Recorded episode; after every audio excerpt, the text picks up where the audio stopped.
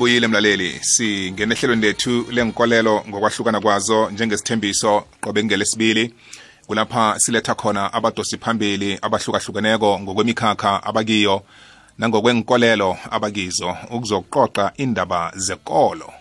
Ngombana kungiyo into esithindako kaningi sibabantu. Khulukhulu-ke ehlangothini lokuthi siyibone kungiyo indlela esenza sithindane nozimu eh ngayo. Yeke namhlanje sisenza njalo njengemhleni. Sikhambisana nabadosi phambili ababili abahlukeneko ngokusebenza. Ngino Bishop uJoshua Maponga. Begoduke njengomdosi phambili ehlangothini ke letshisakalo yokufundisa abantu ngokuzithola ngokobuntu babo. Begoduke uzakukhumbula ukuthi ubishop unehlangothi eh lekolo ehlangothini ke le Seventh Day Adventist. Eh begodu unehlangothi eh le Global Management Center ukusuka eUnited eh Kingdom. Eh begodu ke uneziqu ehlangothini ke le philosophy une degree in, in philosophy. Yeke simletha la ngoba ekhambeni lakhe nekolo kube kwafika isikhathi lapha athoma ukubuza imibuzo. Imibuzo le ebuzwa ukuthi ingakhani njengomAfrika. Ngijame phi nozimu? Imibuzo esikinye abantu abaningi imibuzo emenze wabonakala njengomuntu othikameza ikambiso esele kade sijayele. Lokho kukodwa kwamenza ukuthi kusivula amehlo abanye bethu. Nokulandela inkulumo zakhe unencwadi embili azitlolileko lubaba nekuzincwadi nazo ezicakatheke khulu kwamambala. Kodwana-ke simletha la namhlanje ukuzokhuluma naye ngesihloko sokuthi kuyini ukukholwa komAfrika kuzimu? umAfrika ukholwa njani kuzimu? Akushiwe yedwa esikhambisana naye sikhambisana noma uthuthukile kabini umam kabini sizamkhumbula ehlangothini ke lendoni lapha kukhuliswa khona amatlawana nabesanyana ngokwesintu sabo nokukhuliswa kuhle. Akusingilelo hlangothi kuphela uma mkabini esabe sikhuluma naye siyokuqala nangakuye ukuthi ingakhani kuyini ukukholwa komAfrika kuzimu? Naziza ehlangothini ke lobulaphi bendabuko eh nokuningi nje ukuthintana nabezimu. Ingamhlambe ke sihlangana njani sima Afrika ngakulelo hlangothi lokholwa. Angibalotshise ngibamukele ngithome ngokulotshisa umamkabini. Mamkabini siyakwamukela siyathokoza ukuba nathi ehlelweni. Akwande akwande mkhathi akwande. Nisaphilile ma? Sivukile mkhathi sifusela mina. Nathi sikhona siyathokoza. Ngilotshise nobishop umaponga. Bishop siyakwamukela siyakulotshisa kugwegwezi yafana oh akwande akwande siyabonga. Usaphilile bishop.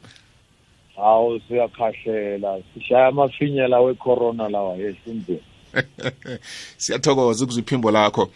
Ngithokoze nesikhathi ongenzele sona. Ngiyazi ukuthi ngalesi sikhathi se-africa month bakufuna ngaphana ngapha minengi imibuzo abafuna ukuthi baphendule kiyo. Angithome ngakuwe bishop. Nasikhuluma ngobu-afrika nokukholwa nozimu. Kuwe kufikani yini lokhu eh kithi njengama-afrika into yokuqala asithomeni lapho efanele ithome khona indawo. Ya. Ukuthi umuntu udalwa ngumhlaba umuntu udalwa ngamanzi umuntu udalwa ngomoya. Kokuthathu kwekwenza isiqu somuntu ophilayo. Inkonzo yokuqala ukuzixhumanisa nemvelo kazimu ngasekudleni ngasekuphileni inkolo ayingabi indawo yokuguqa umuntu enimemeze ekhuluma umoya. Kanti ngaba ulimaza imvelo lapho ahlala khona. Udla upoison ukuze akwazi ukuyothandaza abe yi-prayer warrior ngoba akakwazi ukudla kahle. Akanani umsebenzi uye enkonzweni ngoba uyocela umsebenzi kuzimu i-economy ne-politics ziyamosha umuntu. Zenze ukuba isizwe gcwale abantu abakholwayo. Hayi ngoba bekholwa. Bafuna amakhambi bafuna isolution yokuxazulula ingxaki zabo zasempilweni. Angiphosa umbuzo wokuqala. Umbuzo ozothi wona nxa abantu bangakwazi ukuba bangaxhumanisa nokuhlanganisa nokusombulula inkinga zabo ezibahluphayo inkonzo bazoyifunela ntoni? Ngoba nxa singabonanga insuka ebangela ukuthi abantu bezinkonzweni amakhaya amoshakalayo imikhuhlane yenyama indlala nokulamba. Yiyo ehambisa abantu enkonzweni abanye abanazihlobo bafuna umasingcwabisane bafuna inkonzo ibangcwabe. So uma ufuna ukungcwatshwa hamba ufuna i-burial society uma ufuna umsebenzi hamba uyofuna umsebenzi lapho uthola khona umsebenzi. But ngeke sikwazi ukuguqula indawo yokukhonza ibe yindawo e- e- eyoku- eyokubiza uthixo. Ongazade asinazo izandla zokusebenza ukuba sithole amakhambi nama-solutions kwey'nkinga esinazo. So in- ma singaqaphelanga kahle inkonzo izoba-ke isibhedlela sabantu abangafuni ukufuna ama-solutions. Ya ngiyakuyizwa bishop. Lokho kukodwa kuletha ilandelela yombuzo ezokuthi sibabantu sithanda ikolo sikhohlwe ukukhulisa umoya. Lento ekuza kuthiwa yi-religion and spirituality. Sibaningi esihlezi ekukholweni kodwana sibanqani esinokukholwa emoyeni namkha ukukhula emoyeni. Ku- ku- kuhlukana njani lokho kubili? Ngoba kunekolo kunomoya. Angisho ngiphungule ngithi mina into yokuqala nje maybe umehluko umkhulu ngendlela eyisimanga eh ithi yona into eh, Christianity cannot do without spirituality but spirituality can do without Christianity ngamanye amazwi into zokamoya ziyakwazi ukuphila zingena religion Mm. but i-religion ayikwazi ukuphila engenazo izinto zakamoya Mm, mm. ngaphambidlana umuntu okholwayo usho ukuba umuntu lo u- u- uthwele umuntu okholwayo uthwasile. Umuntu okholwayo ukholwayo uhlel uhlelwe ngumoya umoya oyingcwele. Ngamazwi angajwayelekanga umuntu okholwayo is possessed but i-possession yakhona upossesswe izinto zezulu. Ngaleyo ndlela ke kufanele sibone ukuthi inkonzo zethu ziyasigcwalisa na? Nomoya. Ukuze zigcwalisa ngomculo zigcwalise ngemotivation sithi mase siyofika emakhaya uthixo wakho nasimazi ukhuluma no- nomfundisi qha Mm. umfundisi wakho nazathi mina nonkulunkulu ikhulumile indaba yakho. Unkulunkulu uthi unkulunkulu uthi. Angamfundi nonkulunkulu ungamsondezi ngaseduzane nabo ngoba unkulunkulu yena lo i-address yami unayo lapho engihlala khona. Wena nothixo njengomfundisi eniyahlalisana phansi ngincokola indaba zakamabhonga umabhonga engekhoyo i-spirituality ixhumanisa umuntu ngqo lo othi yena uyakholwa nale nto umuntu akholelwa kuyona. I-religion ixhumanisa umuntu ngqo ne-institution ne-system ethi yona i-system thina sesikhulume nothixo ngaphambili. So ufanele ukukholele kuthina njengebhilidi nomfundisi wakhona. Ngoba thina zoxhumanisa ngothi- no- nothixo that's catholicism at its best. Ithi yona njengebandla yithi esizihluthulelo nezikhiye zokungenisa abantu ezulwini. Ma ungakholelwa ebandleni kusho ukuthi awungeni kuthixo awungeni nasezulwini. So umehluko ulapho ukuthi religion i-emphasis yakhona i-structure ne-system. Spirituality is individuality and connection with a greater natural space. Mm. Ibuyela la uthome khona bishop ukuveza ukuthi umuntu udalwe njani umuntu ubuyaphi ngithatha iphuzu lemvelo kafeaturesana nje. Nase siqala ikolo okuyi-religion yibonakala iyinto eyenziwe muntu. Bese kuthi i-spirituality umoya womuntu ubonakale uyimvelo. Kuba yini sibabantu sifuna lokhu okuyikolo eyenziwe muntu? Ukusifundisa ngokomoya wethu oyimvelo onakho konke. Kithi sithi sona eh kunesiqashwa lapha muntu omdala kuno kuno kunomastanda kube nolojayo ngasemva kwendlu. Umastanda ke ngumlungu olethe inkolo yakhe. Umthetho obalekisa ibandla elibiza thina sithi eurocentric christianity. Umthetho oquba lelo bandla. Umthetho wama-european umthetho wabelungu. Kungaleso sizathu ujesu wakhona umhlophe iingilosi zakhona zimhlophe izulu lakhona limhlophe nabantu abakholelwa kule jesu kufanele babukeke njengabantu abamhlophe. Kungaleso sizathu imiculo esicule enkonzweni imiculo yabelungu. Abafundisi bakhona noma engikwazi ukhuluma isindebele akasakwazi ukhuluma isindebele-ke manje usekhuluma esinye isingisi-ke usifuna abantu abamuhumushelayo ngoba the whole idea is ukuzama ukuthi sifane nalayo belungu abayibona amakhazini kajesu owafa inqamulezelo kusho ukuthi when religion is packaged sesigoqele inkolo esimeni salo esimkholelwa ukuthi nguye ongumlungu. Kusho ukuthi nemithetho yonke esiyokuyenza nendlela siyosiphatha ngayo iyofana nemithetho yalo osinikeze into lethi siyakholelwa kuyona. Kufanele-ke amakholo akwazi ukuqathanisa ukuthi uma uyothenga isonka emagrosi uyakwazi ukuthatha isonka usidle iplastic uyilahlele ngaphandle. Umuntu omnyama-ke uthatha iplastic nesinkwa kokubili ugwinyizela konke. Yikho nje amabandla ase-afrika equmbe kangaka agcwele amaplastic ngaseziswini ngoba imikhuba nezenzo esizenzayo azinabuntu bethu azinanhlonipho igcwele ubulungu nesingisi manga nomoya oyingcwele wamanga ovelayo phama kushaya ikeyboard yabelungu. Kodwa umuntu lokholelwa kule nto yikho nje sigcina siphuza amapetro sidla utshani namadumu ngoba vele we are doomed ngoba asifuni iqiniso.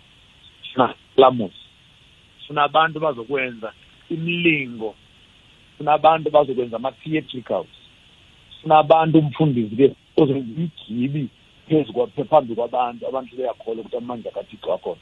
Ungaveza amandla kathixo ngokudrayive imoto phezu komuntu kube yisimanga ke leso. Amasalamusi la amasalamusi so umuntu ociva ibhayibheli ithi yona ngensuku zokugcina abantu bazokubiza abafundisi abazokhuluma izinto ezifiswa yindlela zabo ukuba baziswe ngoba abantu abalithanda inyaniso. Bathanda amanga abantu bathanda amanga mm. mhlawumbe ke bishop maponga nasesithatha eh ukukholwa okukhona okugcwele ngaphandle ngapha sikubuyisa kithi ama-afrika mm. ngamanye amagama uveza ukuthi silahlekile nakuthi kunjalo ngikuphi-ke ukukholwa kwethu ekufanele ngathana sikikho silandela khona ukholwa kokuqala ukholwa kwekhaya mpontata ngeke umfazi othi yena uyakholelwa kujesu indoda sengusathane ngoba indoda ayikholwa kodwa lo mfazi uyakwazi ukuyoguqa phambi kwamfundisi emnikeza amanzi akakwazi ukuguqe indoda yakhe ngoba ujesu ujesu unomfundisi ujesu akezwe ngapha. Inkolo yokuqala ubuntu. Inkolo yokuqala hlonipha inkolo yokuqala imbeko inkolo yokuqala likhaya inkolo yokuqala ukuhlonipha abazali. Ingane zanamhlanje zithi ngokukholwa sizikhuluma isingisi esiningi hlambalazi abazali ngoba sebeyakholwa bona. Akukhona ukukholwa ke lokho. Hlonipha uyihlo nonyoko ukuze iminyaka uthixo azokunikeza yona ibe miningi ngenxa yokukholwa siyabangcwaba abafana. Bengalaleli ngoba ivesi ithi yona ongalaleli uthixo uzombulala kodwa layo abalalelayo zobayinikeza izinsuku inkolo yokuqala must not divorce itself from the cultural values.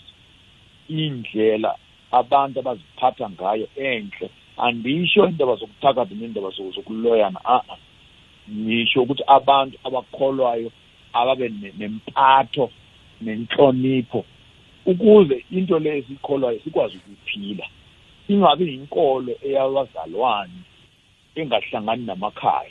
Ngifisa sisuse lelo gama elabazalwane ngoba sizalwene ngokukukholwa kodwa impilo yethu ayisasiphili nalaba esizelwe ngabo ngempela ngempela. If sibe singabazalwane besizoba ngofakazi ebazalwanenini esizalwe nabo. Manje ama-afrika aba nomraro ngebhayibheli. Livela njengencwadi eze namakhuwa ukuzothatha ikolo yabantu abanzima. Uthini ngalokho? Ukabili kuliqiniso um ma ubheka indlela abakwenze ngayo. Kodwa um-afrika kangadangali kangakho nebhayibhili singayibetha ngelinye ilanga leyo-ke indeke inkulumo yakhona. But nje ukuthi sibane nensusa nje ngathi thina ibhayibheli alifikanga nabelungu mntu omdala. Ibhayibheli lidala kunawo wonke libhayibheli lasetopiya kodwa amakatoliki ake yaba bathatha ezinye izincwadi ke bazihambise eroma bafake ezinye bakhiphe ezinye ke bathatha ezinye bazihambise ebritain bayeprinta ke kubo king john king james version. Bathatha amanye amancwadi bafake ezinye bakhiphe ezinye. Mase behumusha ke ama-n i v amanye english bible omunye ufaka ngapha omunye uphungula ngapha omunye ufaka ngapha omunye uphungula ngapha kodwa lona ibhayibheli lithi ungengezi ungaphunguli futhi lo engezayo ngizokwengeza insuku zokuhlupheka lo ophungulayo ngizomkhipha naligama lakhe incwadi yokuphila kodwa laba bathi bona ngabafundisi abadala benkonzo ama-priest nama-archbishop bathole igunya angisho ngamagama anzima namhlanje bathole igunya kusathane bayenza le nto incwadi ethi bangakwenzi. Sabayeka thina njengabazalwane. Njengamanje siyaphithizela sidonsa umoya oshisayo. By the bible and the bible alone sora scriptura sora scriptura. Do we even know what scripture looks like? Do we even know what scripture is? Or we are just running gijima nje nale ncwadi esethe yafotokopa khona labantu nabantu abebengena nembeza nothixo. mm. Abantu beAfrika banendlela zabo abazilandelako zokukholwa em ezifana nokukholelwa ebezimini nokuphahla nakho konke lokho. Ingakhani lokho kuyindlela engiyo ekufanele ngathana silotsha uzimo ngayo namkha nakho lokho kungokhunye okuhlukileko okungakhambelani nendlela uzimo afuna simlotshe ngayo. Indlela enhle mfana wasekhaya. Ibemva ukuthi laba bantu bakona bazibiza ngamadokotela namaprofessor awe-theology abahambe bathola iziqu-ke zokufunda-ke ukuthi bona abangongqongqoshe bemfundiso. Bekungabaluleka kakhulu ukuthi bathathe incwadi leyi elibhayibhili bayibeke esandleni sokudla ngabo balandele amasiko abantu bakwantu. Base-afrika. Bawabeke ngasesandleni sakaleft bayenze engiyibiza ngesingisi lithi comparative study. Ngamanye amazwi mawuthi uyabheka igama elithi sanctuary usho itempele yokukhonza ubheka i-sanctuary ngapha ufake umsamo ngapha. Ubheka impepho ngapha ubheka impepho ngapha. Ubheka ukubulawa kajesu ngapha sidla igazi likajesu nenyama kajesu ubheke ngapha badla igazi lenkukhu nani nani and compare and come up with an african epistemology. An african theology that is fruitful eneqiniso emkhubeni yebhayibheli nokuhlanganyelana kwayo nokwantu wakwa-afrika ukuze sikwazi ukuthola ikhambi lokuthi umu-afrika ngempela umhebheru wamahebheru. Asitona ama-pagans thina. Siyakholwa ukudlula belungu imikhuba le eseyenzayo nasemakhaya ukuhlaba nani nani no-abraham naye wayehlaba ngendlela efanayo. Sika inyama ngabe sika inyama ngapha umuntu uyashada. Lephisa kwendoda le yayikomfazi those things are in the bible ukufaka ama-tombstones nani nani iyatholakala ebhayibhilini into enjalo. Indlela yokuprofetha iyatholakala ebhayibhilini so ma uthatha zonke lezi zinto abantu belungu sebefika namhlanje bathi izinto zikasathane zinomoya kasathane uthi uyabheka ngebhayibhili ma uthi uyabheka ucubungula ngempela ungajahanga ukuthi ufuna uba lilunga lebandla. Uzothola ukuba imikhuba yena le esikhuluma ngayo iyatholakala ngasencwadini but ngelishwa esike sadedela belungu ukuba bahumushe ibhayibheli. Baba ngamahumusha ngempela. Baxoka ngempela. Because yonke into emnyama isuke yaba ngekasathane eyomlungu yaba liqiniso. Kungaleso sizathu ontombi zakithi nabafana bakithi bafuna ukushada imishado yesingisi abafuni imishado yasekhaya bekhohlwa ukuba umshado yesingisi also european tradition lisiko labelungu i-tradition. Umehluko phakathi kwe-tradition ikuphi ke? So uyothola kuba i-tradition is the colonizer becomes more superior to the tradition of the local person. Umuntu wasekhaya eAfrika egcina ezigcila somlungu ngaphambi kokuba izigcilo zakathixo. Mhm. Ngifuna ukuyokuthengisa Bishop bese ngibuye ngikhulume noma Mkabini ngizwe lakhe ihlangothi sithathe nomlaleli ekhaya. Ngibawa ningibambele njalo ningabeki phasi. Mlaleli siku 0891207667 ungathumela nephimbo lakho ku WhatsApp number yethu ethi 079 4132172 iyachisa le ndaba siyabuya. Sibuyile mlaleli. Mihlawuni imizuzu ngaphambi kwana kubetha isimbi ye-11 nanye le ikwekwezi fm kukhanya ba ngikhamba nemvakatshi zami ezikhethekileko ngikhambisana nobishop maponga joshua maponga elangela namhlanje. Ngibambisene noma uthuthukile kabini hlangothini-ke lekolo. Eh kanti-ke siqale indaba yokuthi ingakhani-ke um-afrika umlotsha njani uzimu eh ngokobu-afrika bakhe. Mamkabini siyakwamukela. Siyathokoza ukuba nathi eh, ngiyakholwa ukuthi umzwile ubishop maponga ngendlela ebeka ngakhona. Uyawaveza amanye amahlangothi akhona esintwini nekolweni yomuntu. Kakhe ngizwe ngakini u- umuntu omafrika u- ukholwa njani kuzimu ngokwelwazi eninalo? Eh ngithome ngithi thokozani bogogo thokozani bonyankwabo thokozani makhehla. Eh uma-afrika la ithemba lakhe likhona ukukholwa kuthemba ukuthi uthembele kuphi ukhule kuphi. Um-afrika uthembele ebezimini uthembele kibogogo nabobamkhulu ngombanyana yonke into ayenzako uguqa ngedolo phasi uguqa kwakhe ukhuluma nabokhokho abadlozi abezimu abezimu bona esele bahlangene nozimu ngoba angekhe weqa abezimu uyokhuluma nozimu lapha khona. Uzokhuluma nabezimu bakho namadlozi akho abogogo nabobamkhulu abomakho nabobabakho abalalako. Ngibo esikholelwa ekutheni ngibo emde sikhulume nabo sima-afrika. Yeke sikhuluma nabo nje kungombana impendulo ithi sebasephasini thina esingakayi kilo esingakafiki kilo. Lokho kukodwa kusenza bona sikholelwe ekutheni sebayabazi eh abangale kwalelo phasi sebaseduze nalapha kunozimu khona. Isiqinisekiso esisinikela lokho sisithathaphi sinasiphi isiqinisekiso sokuthi kunjalo? Eh ukuthi kunjalo mhathi uyakhona ukubawa inhlanhla zakho ukubawa kuyifuna uyifisako uyibawa kubezimu abezimu ngoba aba- abanamandla ukukhona ukukhuluma nozimu ukuthi into zakho zilunge zibuyele erheni abezimu bayabuya ngebhuti kuwe ya.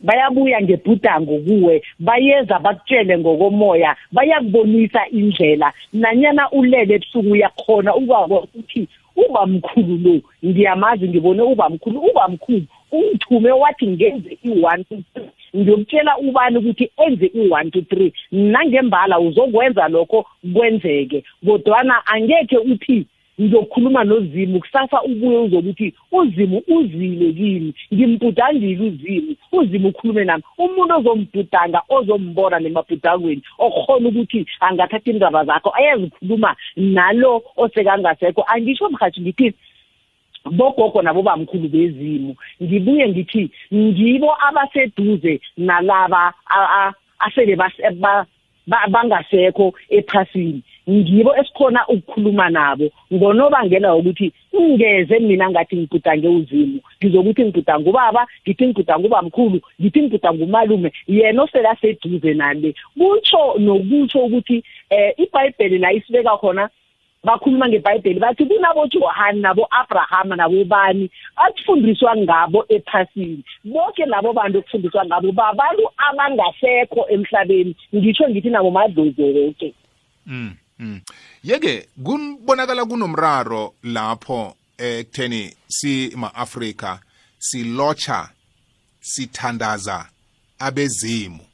Kunokuthi siloche sithandaze uzimu.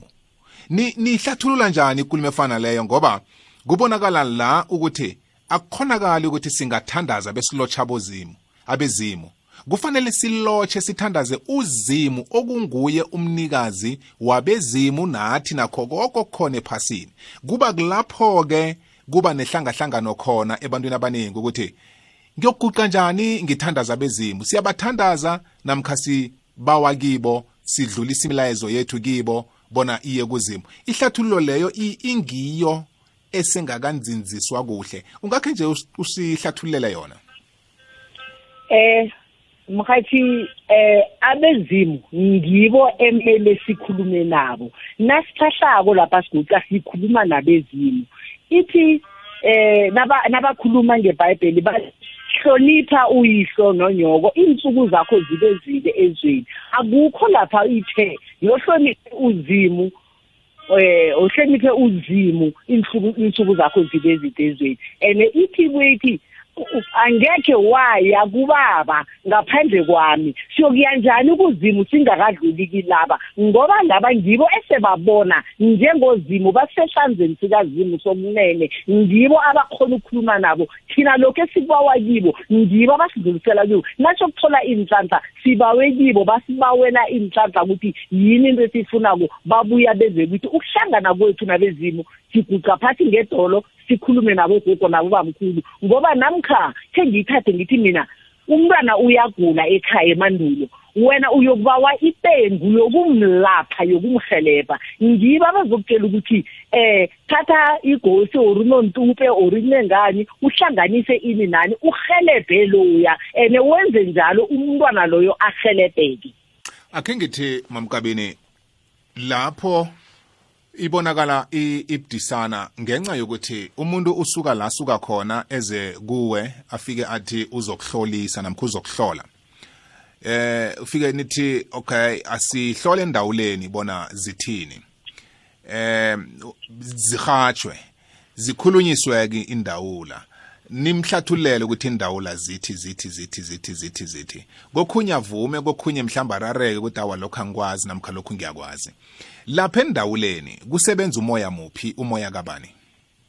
Eh mhathi ngibuye ngithi kokuthoma nohatsha indrawula eh njengami ngihatsha indrawula nangihatsha indrawula ngiyokulawula umuntu loya ukuthi man uzokubuza kimi into into le angiyazi nami ngifuna ukuyibuza kibo gogo nawo bamkhulu. Kokuthoma ngizokubawa bezimu bami kuthi bogogo nawo yenihlangane nabezimu bomuntu loya. Nisitshele ukuthi kwenzakalani. Nowuhatshe indrawula uzibeke phasi apha indrawula kunomoya wabezimu ofikako kuwe. Ngitsho ngithi emhlabeni akekho umuntu onganaba bezimu. Banabezimu boke nedi kunalaba abanikelwe imbereko ukuthi mina siyoniberegisa niberege umbereko onje onje niphandlulule laba abangaziwo yeka bezimu laba bawutshela bezimu bami. Into le efuneke emntwaneni aba bezimu bami batshele mina mina ngidlulisela kibo. Nangihatsha indawula ngicala amathambo kuba ngasuthi ndifilimu kuba ngasuthi yinto ebhaliweko ngoba ngikhona ukubona isithombe sakabamkhulu wakhe loyo ukuthi simbumbe konjani ene uthini ene ufunani ufuna kwenzekeni. Moya wabezimu lo esikholelwa kuye hayi wakazimu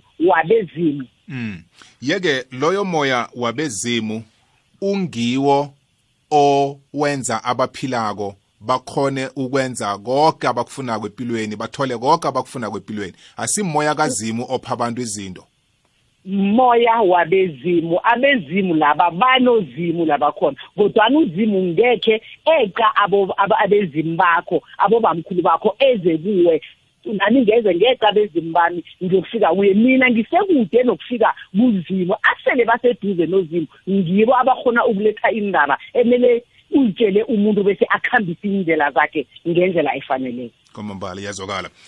Bishop maponga ngiba ukukubuyisa kancane kileli phuzu eh siliphetheko sinomamkabini kodwana ke ngilethe kuwe indaba yenkonzo nenkolelo ezikhona endle ngendlela esele sithandaza ngayo namhlanje. Uvezile uthi sithandaza isikhuwa senza yonke into isikhuwa eh sichukulukile sisukile ebuafrican bethu. Yeke ingamhlambe impilo yanamhlanje sisaza kulunga na ukuthi sibuyele endabukweni yethu? Ngehlathululo evezwa ngumamkabini yokuthi thina ngobu-afrika bethu sikholelwa ebezimini. Uyafika nawe njengobhishophu ebezimini ufika njani? Uyabazi uyazi ngabo? Namkha wazi indlela le uyivezileko yehlonipho yokulalela yokuthobeka othome ngayo?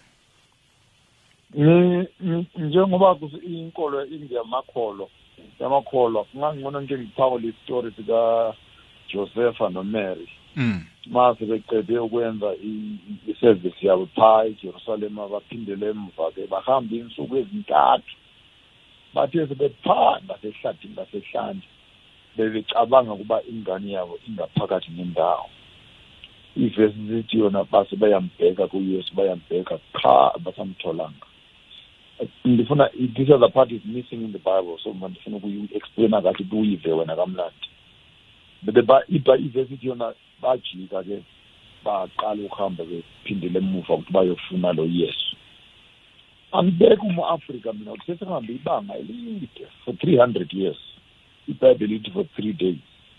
For three hundred years jonke ngasehlane labelungu phaphazeleke namhlanje siyaphaphama njengama-afrika sithi siyabheka le nto esiyifunayo. Ngifuna ukukhuluma iqiniso. Abafundisi bethu bonke singababuthelela bonke sivalelane erumini singabafundisi namabhishophu sisodwa.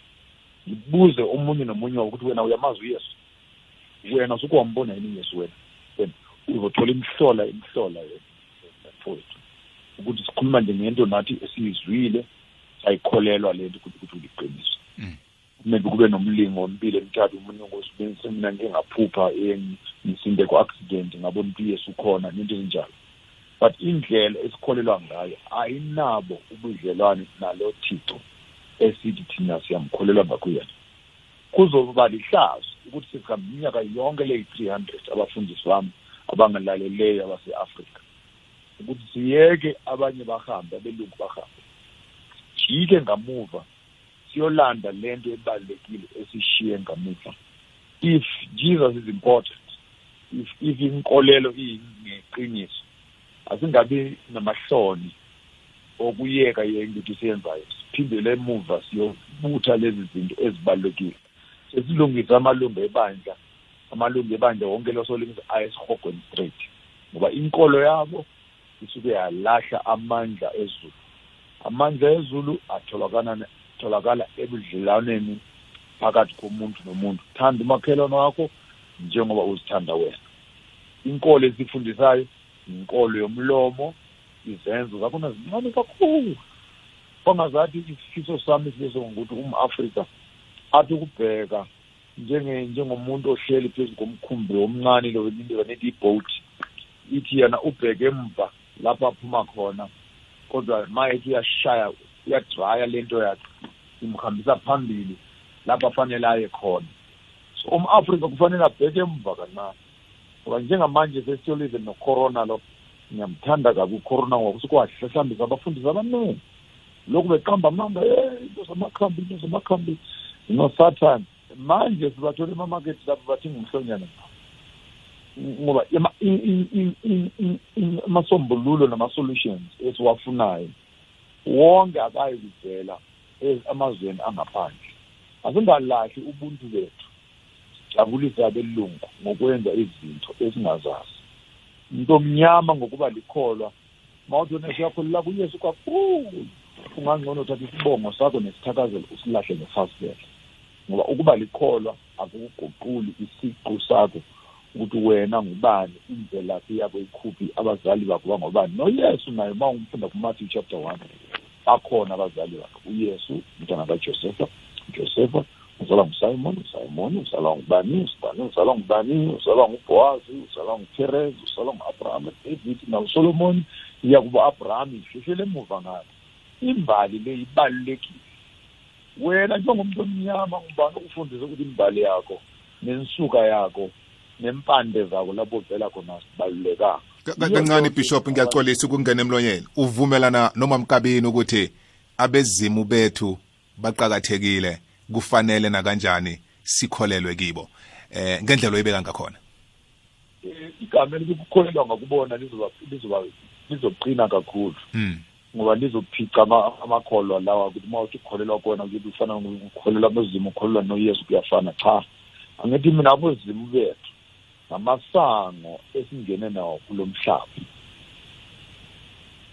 Ungayesabi ukulandisela umlando wakho uhlehlele emuva uzohlangana nalo mdali wezisuku ayikho inkolo ye-afrika efundisa umuntu emnyama ukuthi kufanele athandaze amadlozi siyawahlonipha siyawabiza. We align our spirituality with our genealogy. It is sacred history ngamagama esingisi njengoyesu naye unayo imbali yakhe. So mina mangizothandaza ngithi mina ngingujoshua umntana kalazaro umntana kamarara umntana kamtshena umntana kanduma umntana kanokwara umntana kazibowu hawu sengiyo sengiyilandise yonke nothixo odale isizwe sakwamaphongo ngicela nami ungilalela hhayi ukuthi ngiyabathandaza ngiyabahlonipha ngiyabarecognize ukuthi bakhona. And imbali le kuthi uma ngithandaza abantwana bami abantwana bami bazwe. Ukuthi sibuyaphi indabuko nomdabu wethu ukuphi nendawo. Ngeke uyiqume njengomthandazo ngegama likajesu uzuyangena njengesigodlelo abantwana basibevu uyesu nje bengasazi ukuthi baphumaphi bavelaphi isuka yabo ikhuphi. Kuleyo ndawo ngiyavumelana noma. Ukuthi babo bani eh siyaphi nalaba beza ngemva sibachiya abafundeni. Eh abaningi babo namhlanje abakhona nokuzitsho ukuthi babo bani ngoba bathena bathola ikolo bathola leyo kolo engakhulumi ngabo nomlando wabo nokuveza ukuqakatheka kwabo. Iqiniso ke lelo. And wena ufanele ukwazi ukuthi i-library yakho e-DNA yakho ayikho ebhayibhilini i-library yakho ne-DNA itholakala emasiko itholakala kubazimu itholakala kubomkhulu bebezele wena ungakabi la. Umkhulu nogogo babeletha ubaba nomama ubaba nomama babeletha wena. Imikhuhlane leni igulayo abantu base-afrika if ungalandela imbali yakho uzobuza ukuthi wabulawa yini umkhulu? Wabulawa yini ugogo? Wabulawa uzothola ukuba izifo lezo sebenza nayo namhlanje wena uthi uyakholwa nje. Kuyinto vele etholakala ngasemndenini wena. So understanding your history is also understanding your medical condition is understanding your historical connection is understanding where you're coming from imbali yenu siqale la sasuka la saya la. Because it's important because these issues njengamanje south africa we're talking land distribution. And ngenxa yokuthi abantu bayakholwa abasazazi ukuthi thina bakasimelani sibe sihlala kuphi ngaphambili. Ukuze siye emaplazini abelungu siyothatha lawo maplazi. Kodwa sesineyibongo zikajesus. We cannot even connect with our land. Mm. kunenthembiso ekolweni yobuKristu ukuthi siya ezulwini. Abaningi baqale leyo ndlela yokuthi baya lapho. Ingakhani sima Afrika siyakholwa ukuthi kunezulu namkha siyaphi? Izulu izulu lapho kunakho imvula. Umuntu angangafuni ukuya ezulwini ngoba uyakholode emhlabeni. Akakwazi ukuphila emhlabeni. Usefuna ukubaleka ephila ezulwini. Uyakoloda imoto ukoloda indlu ukoloda nomfazi. Akaqedi ukubhadala ilobolo usejahe ukuthi abaleke zonke lezi zikweleti aye kujesus. Ayinjalo if uthixo besifuna ezulwini usifakeleni ke emhlabeni. Imhlaba ayingabi indawo ukuthi abantu babalekele ukuthi imhlaba emhlabeni. Bahluleka ukugcina umhlaba umhlaba wabo la emhlabeni. Bafuna ukuhlala emhlabeni kathixo ezulwini. Bayehluleka ukwemba igolide la emhlabeni. Bafuna ukuyohamba emastradweni egolide nasezulwini. That for me in theology is what we call escape theology. Akuyo theology yeqiniso ke leyo kuba i-theology ezama ukufundisa abantu ukuthi ungabalekela i-responsibility uyohlala ndakuthixo kodwa ivesi yona le abayithandayo futhi bathi funa ufuna ezulwini isithi yona ivesi inyama inyama negazi alikwazi ukungena embuzweni wezulu. Sangazi ukuthi bazijahele. Okwasemhlabeni asiphileni emhlabeni ivesi ithi yona occupy until i come. Sebenzani? Genesis chapter one be fruitful multiply have dominion fill up the whole earth. Sebenze kube mnandi. Ivesi kumathile laphana sithi nathembeka entweni ezincane. Ngenani ke ngizoniza ukuba nithembeke entweni ezinkulu. Uma-afrika uzongena kanjani ezulwini engathembekanga nasey'ntweni ezincane uthixo amshiyele zona. Kunabanye abathi ukufika kwefundo kuma-afrika kungikho okusenze sasuka enkolelweni zethu nendabukweni yethu. Ingamhlambe ifundo kunala iqabhele khona ukuthi sisuke ekwazini iqiniso? Iselfoni yakho mfana wasekhaya ungathatha iselfoni yakho ugcwalise amaprogram angekho right. Ingakwazi ukuthi iselfoni yakho ingasasebenzi kahle. Fanele ube nendlela ke yokucisha amaprogram wonke angasebenzi ngaseselfonini uyiphindisele ku-factory default. Khona uzokwazi ukuba ingaqala ukuba isebenzi ukhumbule nawe futhi ukuthi ukuthi ungafaka i-software e-wrong ufone e-right izosebenza right imleso Hmm. ndibuza wena ndicela uphendule i-software e-wrong ku-cellphone e-right. Angeke isebenze right i-cellphone leyo ngoba iphethe ise- Inkinga i-software yini? e-wrong. I- inkinga yintoni? I-software. The software that the african is using ngiyase ngokwengqondo yakhe. It's a european software. That's why umzimba nengqondo nesiko lomafrika lingasebenzi kahle kuba i-software esiphangela phezu kwayo. Hmm. akuyona i-software which is meant for a nokia. Uzama ukusebenzisa i-software ye-iphone kunokia i-software ye-samsung ku-hawaii yingxaki mntu omdala hlukanani abantu abamnyama nezinto zabelungu eningazazi mani nti nifuna ukukholwa kungangcono siye etopia kungangcono siyebona amajuda namahebhera ngo siyongena ke kwathixo lapho emvela yakhona inkolo eqala khona inkolo yokukholwa. Ayiqali ebritain nto ayiqali eamerica le nto yekelani ukuhlukumezana namathayi namabhaji into zabe zabelungu kungangcono zigqoke njengoyesu ke wasejerusalem. Ukuthi le nto belungu lina. Maze ninxibe ezi-short pants niye enkonzweni nithi niyakholelwa kuyesu. Uyesu wakhona isikhindi. If we are really serious about christianity. We are really serious about the bible. Would rather focus on ethiopia and focus on the jewish history.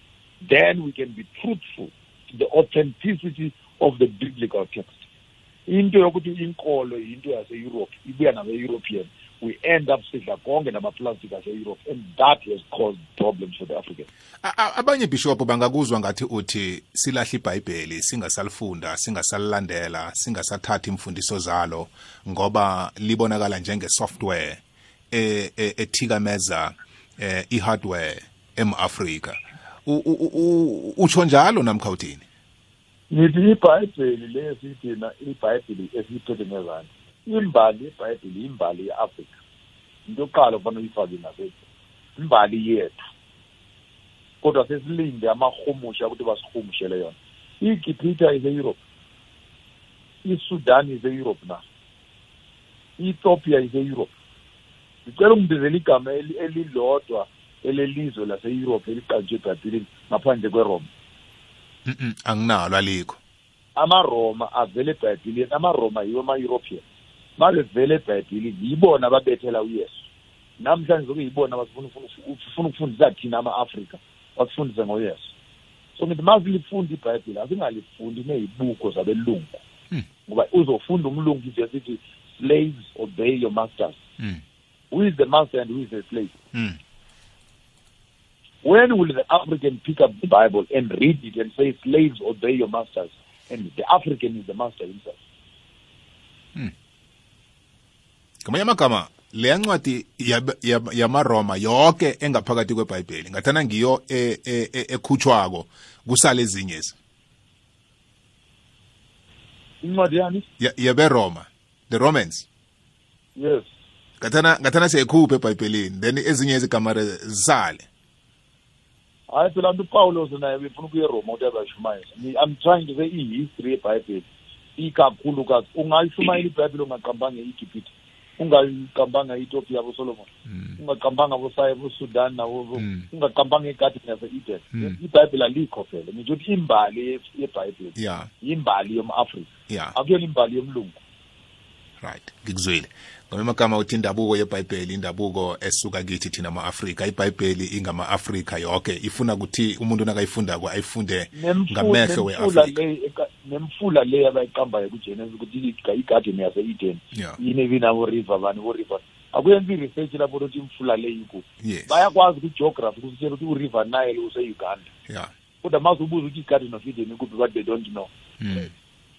But the bible is clear ukuthi i- iyaqala la igama elithi tanzania Mm. elasekuqaleni lithi tanganyika Mm. Tanganyika means that Nika, the world. Yes. Tanganyika, where the world began. In the Mm. Great Rift Valley, sibiza ngesizulu nazinakwanti sithi Embo. Embo kubosese Islands nelubhale Runzuri le guruswa lapho enisuka khona yabo amabhaca bo Embo bobhungane amazulu namaxhosa amavenda. Bonke bakhuluma indaba zeCongo iZimbabwe ikhuluma iEmbo so we have a history where civilization started from from embo yangena kemet from kemet isiyaphalala kuyongena kumesopotamia sizifunda nabobhabheleni ukuya ngalo so i-afrika kuyinsuka yenzalo yomuntu. Mm. Kwamambala yezwakala mlaleli siyathengisa nasibuyako sizwa ngakuwe. Le ikwekwezi FM kukhanya ba. Bobo yazi ubaba uMapongo nomama uKabini into abayikhulumayo lapho into eyodwa. Uma ungathi uyamamela yonke lento mina inginikeza lo mbuzo othi kungani amakholwa angafuni ukuthi sikhonze abezimu? Kodwa ngapha uJesu siyakhona ukumkhonza. Sithi uyena okhuluma noNkulunkulu. Kodwa ngapha siyala ukuthi abezimu bakhuluma yibo bakhona ukukhuluma noNkulunkulu. Sithi in kwaba nesisho esithi iBhayibheli lithe uma lifika lathola umuntu omnyama aphila iBhayibheli. Kepha ngoba iBhayibheli ngendlela balilethe ngakhona balilethe ukuthingameza lempilo umuntu omnyama ebekayiphila. Bamnikeza leyo mpilo. Ekumele imthikameze kungako umapongo athi le software ekuBhayibheli ize net ukuthikabeza le hardware esemuntwini omnyama le akade ayiphila. Ngima nabo njengoba bakhuluma. Masingakhohlwa imvelaphi yethu. iBhayibheli singalifunda kepha singakhohlwa imvelaphi yethu singama-Afrika. singama-Afrika nje sisele emuva. singama-Afrika siselele emuva ngoba siphila a-European culture. We forget our African culture. If we can go back ukuthi siphile African culture yethu then our continent will come and blossom will shine. Ngiyabonga bobo Siyathokoza ngibona ogadangisako isikhathi esilandelako uphungula umhatsho ngemva kwakho bafoza ngoba sesisizwa sizilandela ngapho. Nawe mlalelo sagadangisako uqinisekisa ukuthi ichata alikho elikulandelako. Sifuna ukuzwa wena sifuna ukuzwa yonke inkulumo yakho ibekako ngendlela ebe ngakhona siyathokoza. Eh sawona bobo. Yebo. Eh nenthikeli zakho. siyathokoza.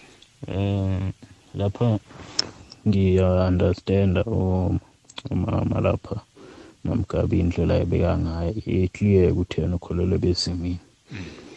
And eh, kumele eh, abuze bona konke afuna ukwazi nakho konke eh mhlambe ngabe ukuthi ufuna ukulapha umuntu noma ngabe kuthiwa umuntu njenga ungenalo umoya wokulapha abantu kodwa noma ngabe yini ayifuna ukuyazi kumele ayibuze bezimini kodwa ubishop lapha ayibe clear yakhe ukuthi kahle kahle ubabekapha bezini ingabe naye wenza the very same thing hlaba imbuzi shisa impepho yokukhulume nabo bawe kubo bese bona ndlulisa umlayezo uye kuzimu nofana usemane eh mayethandaze uzimu uthoma babize bonke ngalokuthi ashisa impepho nazo zonke lezo zinto na ngifuna ube clear lapho. Ukuthi yena uyihambisa kanjani. Okay. Ngiyathokoza. Ithi ngimnika lethuba asiphendulele bishop mapongo umlaleli wethu uthi ngehlangothini lakamamkabini umamkabini uyahlathulule uyayiqaqa ukuthi yena nabezimu eh bathintana njani ukhuluma njani nabo.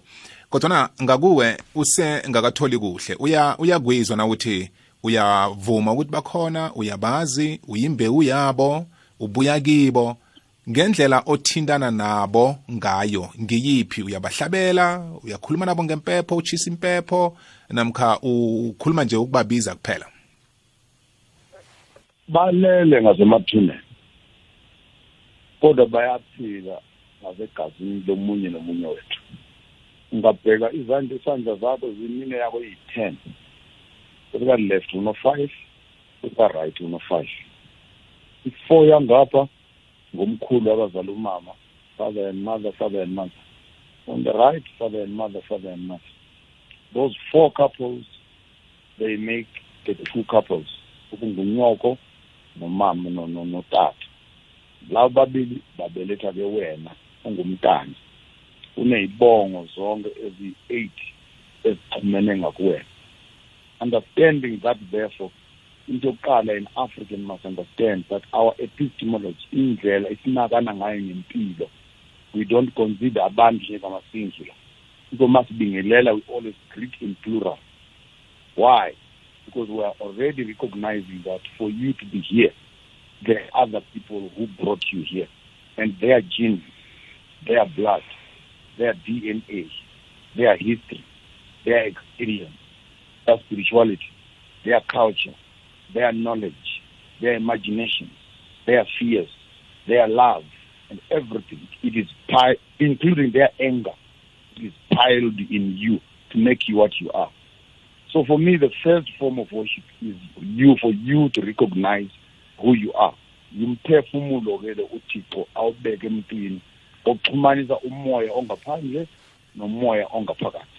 That is for me the very first fundamental principle. Before we can start talking about many other things, but if you notice that ngaphakathi ngakuwena izolo lelo amakholo alibalekelayo yilona elibenze baba yilokho abayikhona namhlanje. yeke wena ngokwakho wenzani? Uyahlaba? Uyayichisa impepho?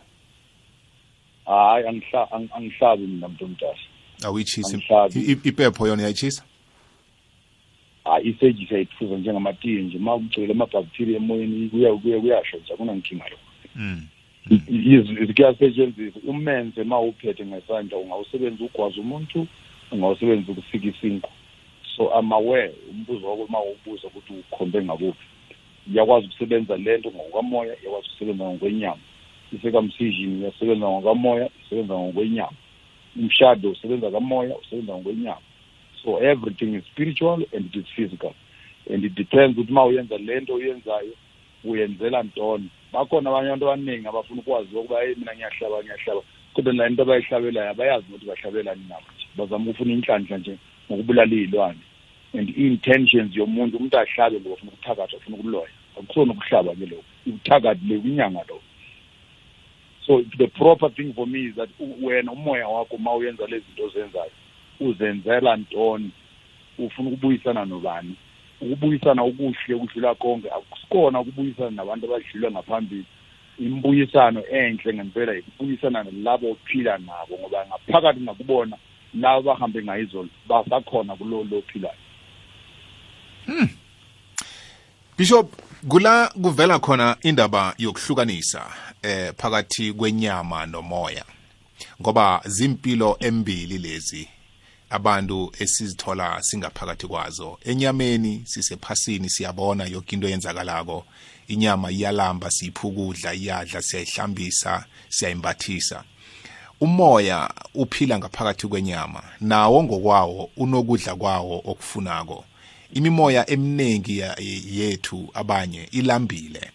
Kula usibona khona sigijimela emasondweni sithi siyokudlisa umoya. Eh abanye sigijimela eh kubalaphi bendabuko siyokudlisa umoya. Abanye bethu silandela ama motivational books eh videos audios ngoba sidlisa umoya umoya ulambile. Lo- lokho kubili asithome nje inyama siyayibona sibekele eqadi asithathe nje umoya. Eh ukudla kwawo yini eh nokukhula emoyeni? Usebenzisa inyama ukukhulisa umoya. Ngoba umoya uma uwodwa awukwazi ukukhula ngaphandle kwenyama. Angiqale la. Ngikhuluma nawe njengamanje ngikhuluma nenyama kumbe ngikhuluma nomoya. Ukhuluma nenyama nomoya. Kuhlangene kokubili akunjani kiye kuhlangene. Angunikeze ikhambi lokuqala ke. Ngeminye imini uzongifanela ke ngikufundise ngikufundise okunye okubili okuthathu. Mm. indlela enhle yoku- yoku- yoku- yokunikeza umoya ukudla yibuhle inhlonipho ngikuphilisana kahle nabanye abazalwane. Yizo izinto ezilungisa umoya womuntu. Umoya okhuluma ngawo awudliswa iy'lwane wena uxabene noyisho nomoya wakhona ungadla leyo nyama nawo umoya lo ungcolile umoya omhle uthi wena uphilisana kanjani nawe qala wena ungakaphilisi nabanye abantu. Mm. wena siqu sakho uphilisana kanjani nomoya ongaphakathi ngakuwena ungakadli lutho lomoya. Okwesibili umoya uyadla. Ma wena ukwazi ukuphilisana nomkakho unkosikazi wakho nabantwa bakho nasomphakathini uyadla umoya. Ma ungenamali for example kunokuthi uyomfundisa uyocela umthandazo kubalulekile nakho lokhu ngenye indlela. Ungangcono uthatha imali imadlana encanyana ufake enamvulopini akho nje ungathola umuntu ongaboni ngamehlo umnikeze ke ungathola lo ohlelwe ngumyeni umnikeze ke ungathola lano umnikeze. Uyadla umoya ke lapho ngoba ubuhle lo obenzayo Mm. uyakwazi ukuphindela ngakuwena kube yinto enhle. Mm. abantu abaningi babulala iy'nkukhu ney'lwane ney'mbuzi bezama ukulungisa umoya. Kanti umoya lo ucasukile ngoba akazwani nonyoko lomuntu akazwani noyise. Kodwa uzobulala iy'lwane zonke azicede phu ezama ukulungisa umoya.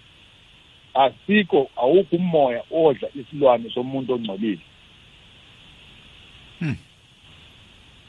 angazi ugogo ugogo mna ugogo ngicela aphawule naye Yes. Ngoba i- ama- amazwi ami ayangiphelela Kodwa- yes ngifuna kodwa ukuyibuyisela ma- kuye ma- eh, bishop emoyeni- Ngi- ngifuna ukuyinikela yena vele ngizwe ngakuye ngoba indaba yokuhlaba njalo njalo eh kungenzeka ngicela bo- uyibeke- ngicela uyibeke ngendlela engikhulumisana engisho ngayo ukuthi u- imo- imimoya le namba ozimo laba bahlala ngakuthina Hmm. bayayidla inyama yomuntu onezandla ezingcolile ngicela umbuzo lo mbuzo abe straight Hmm. asho ukuthi ungalenza isiko ngapha kodwa uxabane nabantu ba- bakini ungakhulumisani nabanye abantu. Umoya uthini nabozimu bathini? Mm. U- u- ukuzwile bishop eh ayihlathulwe ayihlathululwa la inkulumo ethwi. Mamkabini ngiyacabanga ukuthi uzwakele ngakuwe. Umbuzo wakhe ungawuphendula uthini? angimuzwa tu. Sinsathomile mina Oh. ngimuzwa ngizwa wena kuphela yena vele angimuzwa nakhulumako. Alright uthi nawukuthi umuntu okholelwe bezimini eh umoya wakho unehliziyo esilaphazekileko. Awuzwani nababelethi bakho nabo bonke bakwenu nabanye abantu. Awunathando awunapatho. Ukusuka lapho bese uyabuya uthi uyokuhlabela abezimu. Ingakhana abezimu bayayidla inyama yokuhlatshelwa muntu onehliziyo embi. Ngakhani abezimu bayayidla inyama yokuhlatshelwa muntu onehliziyo embi. Mu- muntu onehliziyo embi iye. Eh ngazi ukuthi akazwani akazwani akazwani nababelethi bakhe. Akazwani noyise nonina basaphila. Uyakuhamba uthi ngiyokuhlabela ugogo nobamkhulu. Ugogo nobamkhulu bazoyamukela umhlatshelo loyo na? Womuntu Mhashi. othi aphila nababelethi bakhe baphila angazwani nabo. Mhashi ithe ithi ithi inkulumo hlonipha uyihlo nonyoko insuku zakho zibe zinde ezweni. Angikhumbuli ukuthi ugogo nobamkhulu bayomukela into le e- e- eze nomntana omntanabo eqe abantu babo ngoba la bakhona nangikhulumako ngiya ebezimini ngiyokukhuluma noma nobaba. Uma nobaba ngibo abazokudlulisa inkulumo ami bayise kibokhokho angexhuma nengidabulape ngeqe uma nobaba ngiyokufika kugogo ngingakadluli kuma nobaba. Yeke asithi umma nobaba bona ngokwabo eh nanyana eh ababelethi babo sebalala. Mhlambe ubaba nguye ongazwani nabantu bakhe nabomna kwabo nabodadewabo nabanye abomakhelwane. Uyakuhamba uthi ngiyokuhlabela umma nobaba eh no- no- nogogo nobamkhulu ngiyokukhuluma nabo. Ikhisibe ihlizwa wakhe ayisimnandi nabantu abaphilako. Ingakhani leso senzo siyamukeleke bezimini? Eh emhathi ngi- ngizokuthi mina eh angibo angikholwa ekutheni sizokwamukela mara nangabe u- ubaba loya noma loya baye ku ubabakhe nomakhe baye kuye base bathi mntanethu sibawa usiphe into enje. Kungenzeka ukuthi babawa into leya ukuthi akayenze nje bafuna ukuhlambulula ihliziyo yakhe kobanyana akabuye azokuqolelana nabantu abasephasini. Mhlambe bafuna ukuthatha ukuthi akahlabe aqolise lokhu akwenzako ngendwezo kungendlela eziningi ukuthi angathi ngiyokuhlabela ubaba ikomo or ngiyokuhlabela ubaba imbuzi ngomhlala ini. Kusuke kunesizathu esimenze ikhona into emfikeleko nanoma ngekho ayikhulume kunento ayoyiqolisa ebezimini ngesono lesasenza ukuthi ngibangani nalaba abantu laba Ku- kuba yini fanele ahlabe kunokuthi aye kibo akhulume nabo ngaphandle kokuhlaba? Ngoba ngokokuthindana ngokomoya uyakhona ukukhuluma nabo. Ukuhlaba okhu kuqakatheke ngani? Kudlala indima engangani indaba yokuhlaba le? Eh ukuhlaba mina nge- ngo- ngombono wami nabezimu ngendlela ngiwazi ngakho ukuthi mhlambe vane nihalela ukuhlangana nibe baningi nipheke nezithudlana nidle inyama. Ngoba abezimu into enye nenye abayidlako bayidla ngokomoya ngoba baseke ngokomoya. Angekhe wathatha inyama uthi uyoyibeka ethuneni. Mhathi cala ikomo bazokuthi ihlatha ikomo ngihlabela uba mkhulu ikomo mara inyama leyana ebekelwa pha idliwa babantu abala ayidliwa nguye loya. Ngangokuthi eh umzimu nasele amzimu asele a- a- a- ahlangene nozimu akubozimu. Sekangokomoya ethuneni kunenyama namathambo. Wakamma nobaba hayi kunomma lapha ethuneni. Uma kekho nanoma uya ethuneni uthi ngiyokuphahla ethuneni awuphahla ethuneni. Ethuneni uya ngokuyolikulumaka wenzelele isikhumbuzo sesizukulu nesizukulu lobanyana ikhambo lakabani ngali bekalapha hayi ubani ulapha? Qala lo uthatha inyama le namathambo uthatha inyama umufi ngikhulume ngomufi umsa ethuneni. Umoya idlozeli umoya lo usuke sewuphumile ujamele eqadi wodwa uthathe inyama namathambo kube ngiyo oyithingisa emathuneni. Beyeke na uphumile kwenyameni lo umoya lo uyaphi? Uyokuhlala kuphi kubani? Eh mhathi angisho ngithi usemoyeni la sithi kunozimu khona ngoba uzimu naye ngokwakhe self ayisimuntu wenyama ungokomoya umoya. Idlozi lakho lihlala likuwe likhamba nawe. Eh angisho mhathi ngithi mina kufana nokuthi umuntu nakalele kwabhubhileko lapha naniyomngcwaba yena ngobuyena yena ubuyena bakhe usuke ngokomoya sekajame khona la kina. Uniqalile yoke into eniyenzako ngomzimba wakhe niyaniwulahla ngoba sekangokomoya sekamumoya umoya lo akade uphila ngaphakathi okade wenza ukuthi ube nevoice ekhulumako wenze bona ukhona ukumuva iy'nyawo nezandla uphumile ujame lapha. Kungakho ungasenalizwi lokhuluma ungasamuvi ungasenzi next. Ngoba lele ngithini? Le bhathini leli okade lipreseka ukuthi nyakanisa umzimba. Liphumile lijame eduze nawo. Ingakho ngithi sima-afrika kumele sazi ukuthi kanti abezima abana sibaphahlako sibaphahla njani kuphi bayini? Kuyakhonakala ukuthi umuntu ebekade angaphahli angalandela bezimu eh angahlabi angenzi konke naselaleleko eh bese siyomphahla. Eh u- u- uyomphahla ngalokhu yena azabafuna mhathi ebezimini asewumane ukhambe uthi ngiyakhamba mina ngikuphahla kusuke kunento ekuphindrileko kunento ekusikinyako or yena ukusikinyile ukubizile bona yozokhuluma nami la ngikhona. Ngoba kunabanye abaphilako namhlanje abathi bona nangilala la beningeza nethuneni nizongiphahla nithi ningithela ngotshwala nangesinefu eh nibhalelwa kungiphahla ngisaphila. Ikulumo leyo ihlathulula ukuthi ukungithanda nokungenzela izinto ngisaphila. Senifuna ukuyongenzela izinto sengilele. Sidlula njani entweni efana leyo? Eh mhathi enhlanhleni zakho ebabelethini bakho rebezimini bakho ukuze abezimu bakho bahlale banawe bangagobi kusuke sekakwatile nazakatsho njalo usuke umenzele into ebuhlungu angayithandiko vele asaphila akuthokoze asaphila akubone azokwazi ukukwenzela ukuthi nanyana sekangale uzokhona ukukhumbula ukuthi nangisaphila ngisemhlabeni umntwana omntwana nami la or umntwana nami loya wayengenzela ukuthi nokuthi yeke nami lapha enginamandla okumhelebha ukuthi indlela zakhe zivuleke nami ngimhelebhe avuleke. Iya enkulumeni yokuthi eh mkhathi uyangihlukumeza ngingimzalakho uyangihlukumeza uyangichagisa ngisaphila emhlabeni ngihlala kabuhlungu ngihlala ngesililo ngihlala kabuhlungu ngebanga lakho umntwanami. Nasele ngichambile ngingasekho uza kimi uzongibawa lobonyana angikuphe inhlanhla kuyokukhonakala njani ukuthi ngikwenzele inhlanhla ukuthi wena ephasini uphile kamnandi obe mina zange wangigcinisa kamnandi ngisaphila? Hmm. kwamambala yezwakala ngo-19 minutes to 12 ikwekwezi fm kukhanya ba siza umlaleli siyabuya. Sabona bobo David. Akwande. Hayi indaba ekhulumayo eish ifuna ifuna ngingakhulumi nge-whatsapp so ifuna nginesikhathi nami ngiyavuma kakhulu ukuthi kula lapha esalahleka khona. Um aba onkulunkulu bethu kumbe ngithi amadlozi ethu siyawakhumbula unkulunkulu.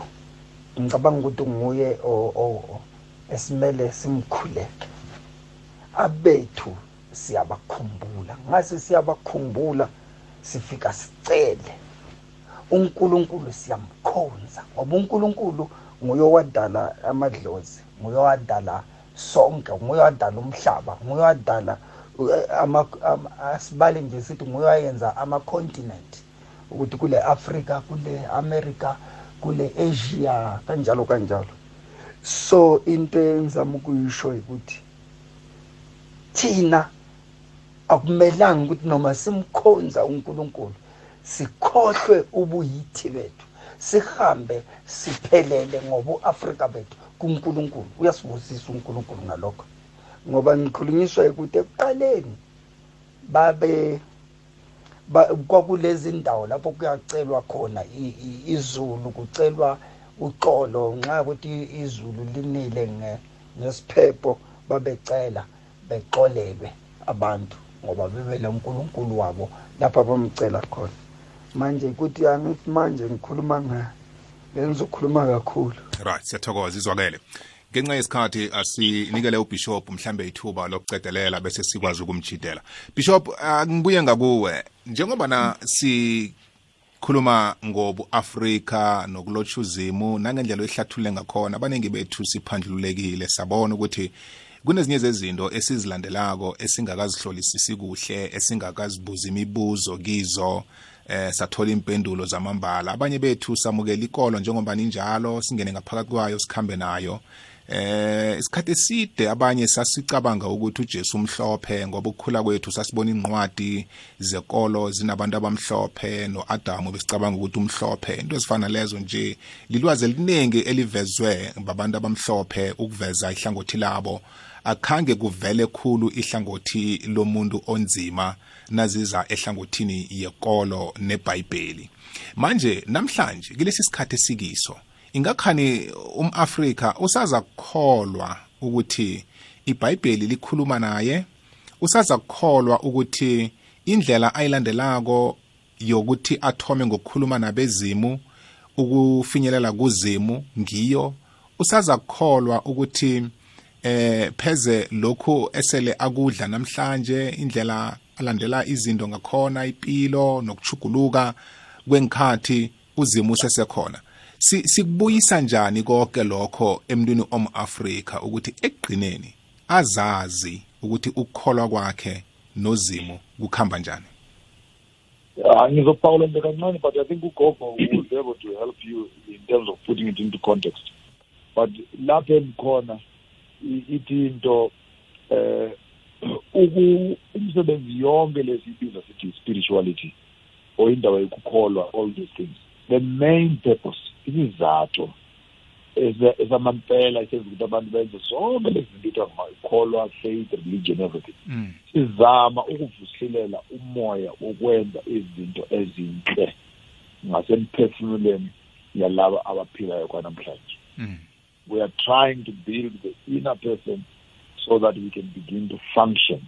We can begin to function as useful as kind sibe nozwelo nokulungisa umphakathi nendlela esisebenza ngayo. Yeah. and if into le esikholelwa kuyona ingafinyeleli kuleyo ndawo yokulungisa umphefumulo womuntu njengoba umama eshilo imhlatshelo engcolile igcwele ngasenkonzweni. Imhlatshelo engcolile igcwele ngasezindlini. Zabogogo nabomkhulu abantu abaphehlayo zwanini mina abantu base-afrika? Kube kanye. Awukho umhlatshelo awukho umnikelo ozokuvulela inhlanhla. Ma wena unenhliziyo embi zama ke mu-afrika omhle uzame ukuphilisana kahle nawe philisana kahle nezihlobo zakho philisana kahle nomphakathi. Ungabulali umuntu uzovula ingozi ekhaya. Ungalahli umuntu ngendlela ngezizathu uzowubiza inkinga nasekhaya ungalahli umntwana ubize amabhasi ungantshontsha imbuzi yomunye umuntu u- ubize imoya engcole yonke into embi umuntu ayenzayo.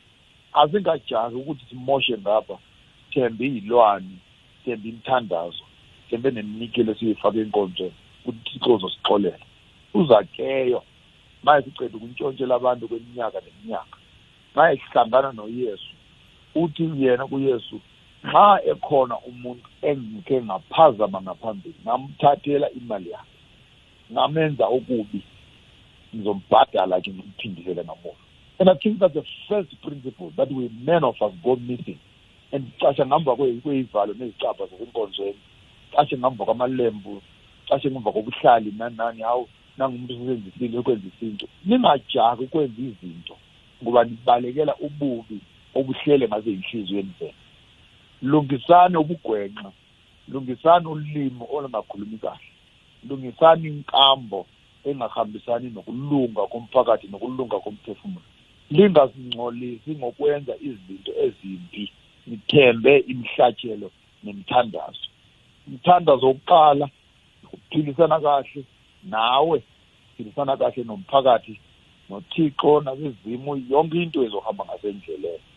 Ngakho ke ngithi wena ma uphi ungizwa mlaleli thatha i-weekend yakho ma uyihola imali yakho phindele ekhaya kugogo nabomama bathengele ukudla bathengele inkukhu bathengele abantu abajabule. Imithandazo yabomama nabobaba inamandla ukudlula imithandazo yabefundisi. Imithandazo yabantu abakuzeleyo abajabulile idlula imithandazo yabogobela nabogogo nabomkhulu so the real religion for me is a religion of aligning yourself to your truth and living in harmony with yourself, with your family, with your community. Then the universe, then God, then Muslim can begin to look at you with a smile. bishop ngithokozile ukuthi ngibe nawe namhlanje ngiyakholwa ukuthi akusiko kuqina sikhuluma siza kuragela phambili nakunenkulumo ezifuna sizithinde. Ube nobusuku obumnandi sithokoze khulu kwamambala siza kubuya sihlangane kodwa hawu into ongifundisa indrebele kancane ngindrebule kahle yabona ke ngizamile but ngizamile ya. Ukhulume kuhle khulu kwamambala sithokozile ube nobusuku obumnandi. Ngiyathokoza bonga kubishop joshua mapongo mlaleli besinayo ehlelweni siyaqedelela. Ngibuya ngakuwe mamkabini nangakuwe njengoba isikhathi sesala nje. Sivezile ihlangothi labezimu. Ngithanda ukukubisela kilo kancane ngoba eh abaningi bethu kula singalizwisisi khona. Ngithandena uveza indaba yokuthi ethuneni kunamathambo kwaphela umoya awukho lapho. Kunesigaba abaningi bethu la sicabanga khona ukuthi umoya ulele ethuneni. Eh ngokwehlathululo ivezako ukuthi umoya awukalali ethuneni umoya ukhona uyaphila ulapha kunozimo khona. Yeke abanye bethu ke sizicabangela ukuthi njengobana lumoya eh ulapho la ukhona sokunamandla wokusenzela konke ngifuna ukuyizwisisa ukuthi kuliqiniso kangangani na? Ngoba sikhona sibanengi esibawa inhlanhla esibawa imphiwo esibawa ukuthola imisebenzi esibawa ukuthola izinto zephasini ebezimini bethu banamandla na wokusipha indwezo eh mhathi eh abezimu banamandla ngendlela erarako ngendlela e- e- emangalisako. Ngombanyana abezimu nasele kumoya bakhamba nawe la ukhona babona yonke into e- oy- oyenzako. Ubumbi nobuhle obenzako ngiba babonako banamandla wokuhelebha banamandla wokukuvikela wokukuphephisa mhlambe e- engozini asithi mhlambe natsha kwenzakala ingozi msinde. Uthoma uthi nokhuluma ukuthi eish abezimu bekhethu bangisindisile. Angicabangi lobanyana uthi amathambo la yavuka emathuneni agijima azongihelebha kungakho ngithi umoya umuntu ongasekho uhlala ekhona ekuwe uhlala ukuhamba nawe ukubona zonke indlela zakho ubumbi bakho nobuhle bakho ukuchaga kwakho nokungathagi kwakho. Nokuchaga-ke mina ngiyaye ngithi mhlambe lapha ubona ngathi uyasogola uyakhisimela kuya ngokuthi umuntu lo obawa kuwe inhlanhla lo wenzani wena kuye asesekhona ephasini? Esele uba ukuthi wena akakwenze lokanyana umhlambe kamnandi uvulekele zizinto ube nenhlanhla ube nemali mhathi begodi abezimu babona u- u- u- u- u- u- ukudlula yazi angazi ukudlula ini ngoba into yenzako enye nenye bayayibona. Angifanise ngizekelo ngithi nani babili nibathathu ngendlini apha kunomntwana nange ngathi uyategatega so usidladlanyana senithuthulathuli lapha. Nina ngoba nihlakaniphile uzimu abezimu banikele inhlanhla yokuthi nakumbereko mntanambereka uzokubereka iinyanga zibembili zibenrathu baqalile abezimu. Lobanyana imali oyikereya lapha leya wenzani uvusa umzilo wabo or uvusa umzabangani babo na? Nawuthuma ukuthi uthatha imali lezo zithwebezini bakho uzirhatsha ngaphandle udla nabantu ngaphandle ubona iinhlanhla zakho zazitshabalala zingasabi khona. Siyokuthi lo mncane kube nguyo sekangathi udobha insentjana bakubonile ukuthi awunamrhula wena nasimnikela usente wena umdla nabangani. And thina sinikela wena kobanyana wozokuvusa umzilo ongikhaya uyijamise mamkabini ngiyathokoza ihlathululo esiyithole namhlanje. Sesibuyekeza ikulumo yethu yonke ukuthi um-afrika um- um- umlotsha njani uzimu ngobu-afrika bakhe. Ungayisonga uthini mhlambe nge- ngekwesihloko sethu sanamhlanje? Eh ngingayisonga ngithi ma-Afrika. Angekhe wazi la uyako ungakazi la ubuya khona. Indabuko yethu isebazimini sisemadlozini. Asibuyeleni emuva endabukweni siguqe ngedolo phasi siphahleni abogogo nabo bamkhulu kibe mrabhu yethu esadabuka kiyo. So akube ngiyo esiyivuselelako kwanyana ichurhe kithi izokhona usinikela amakarashaza sinethezeke ephasini. Qala msimhathi ngithi mina i i- i- i- i- i- inkolo efise yafika yabulala inkolo yethu yabogogo nabobamkhulu isithathele ubu-afrika bethu bonke ngenxa yokuthi nempengu impande abonontupe nengane namagosi esazizemba silapha ngazo imnungwane nemlanga. Basithathele zona sezigaywa mitshini sesirhuluphele obanyana asiyi ebantwini besikhethu laba bawusithadula sesithinga esikhuweni isikhuwesa kusesengiso sethesi nedi sigaywe sona ngomtshini uqale mndokhethu bonyana nawufika edoktereni ngokuthoma udoktere isikhuwa lowa uzokubuza ukuthi kubuhlungu kuphi kubuhlungu ihloko mara nawuze kimi ngiyinyanga mina kukosa ukuthi abogogo nabobamkhulu bangitshele into ekuphetheko bangitshele nepengu ezokulapha ngingakakubuzi masewula afrika asibuyeleni emva sihabe sagijima ngenyawo sathinga phambili asiriveseni akusizinhloni ukubuyela emva sokuthi bogogo nabobamkhulu chebe chebe thokozile mamkabini ube nobusuku obumnandi sisabuye sihlangane kodwa emahlelweni alandelako kunenge sikufunde ngakuwe. Kuza kuthina kusikima ezinye inhloko ezifana lezi sinidosele eduze sikwazi ukufunda kodwa sithokozile ma ube nobusuku obumnandi. Asilijamiselako namhlanje emlaleli mina nawe siyokuhlangana kodwa elangeni lakusasa phaseli likhulu kusekuningi kufanele sikufunde. Lokhu esithi siyakwazi namhlanje kusesekuncane khulu. Sikhambeni siyokufunda. Akungapheleli la. Thokozile indlebe. Nangumondla ingqobo inkanyezi. Nakungimi yena ngiyile.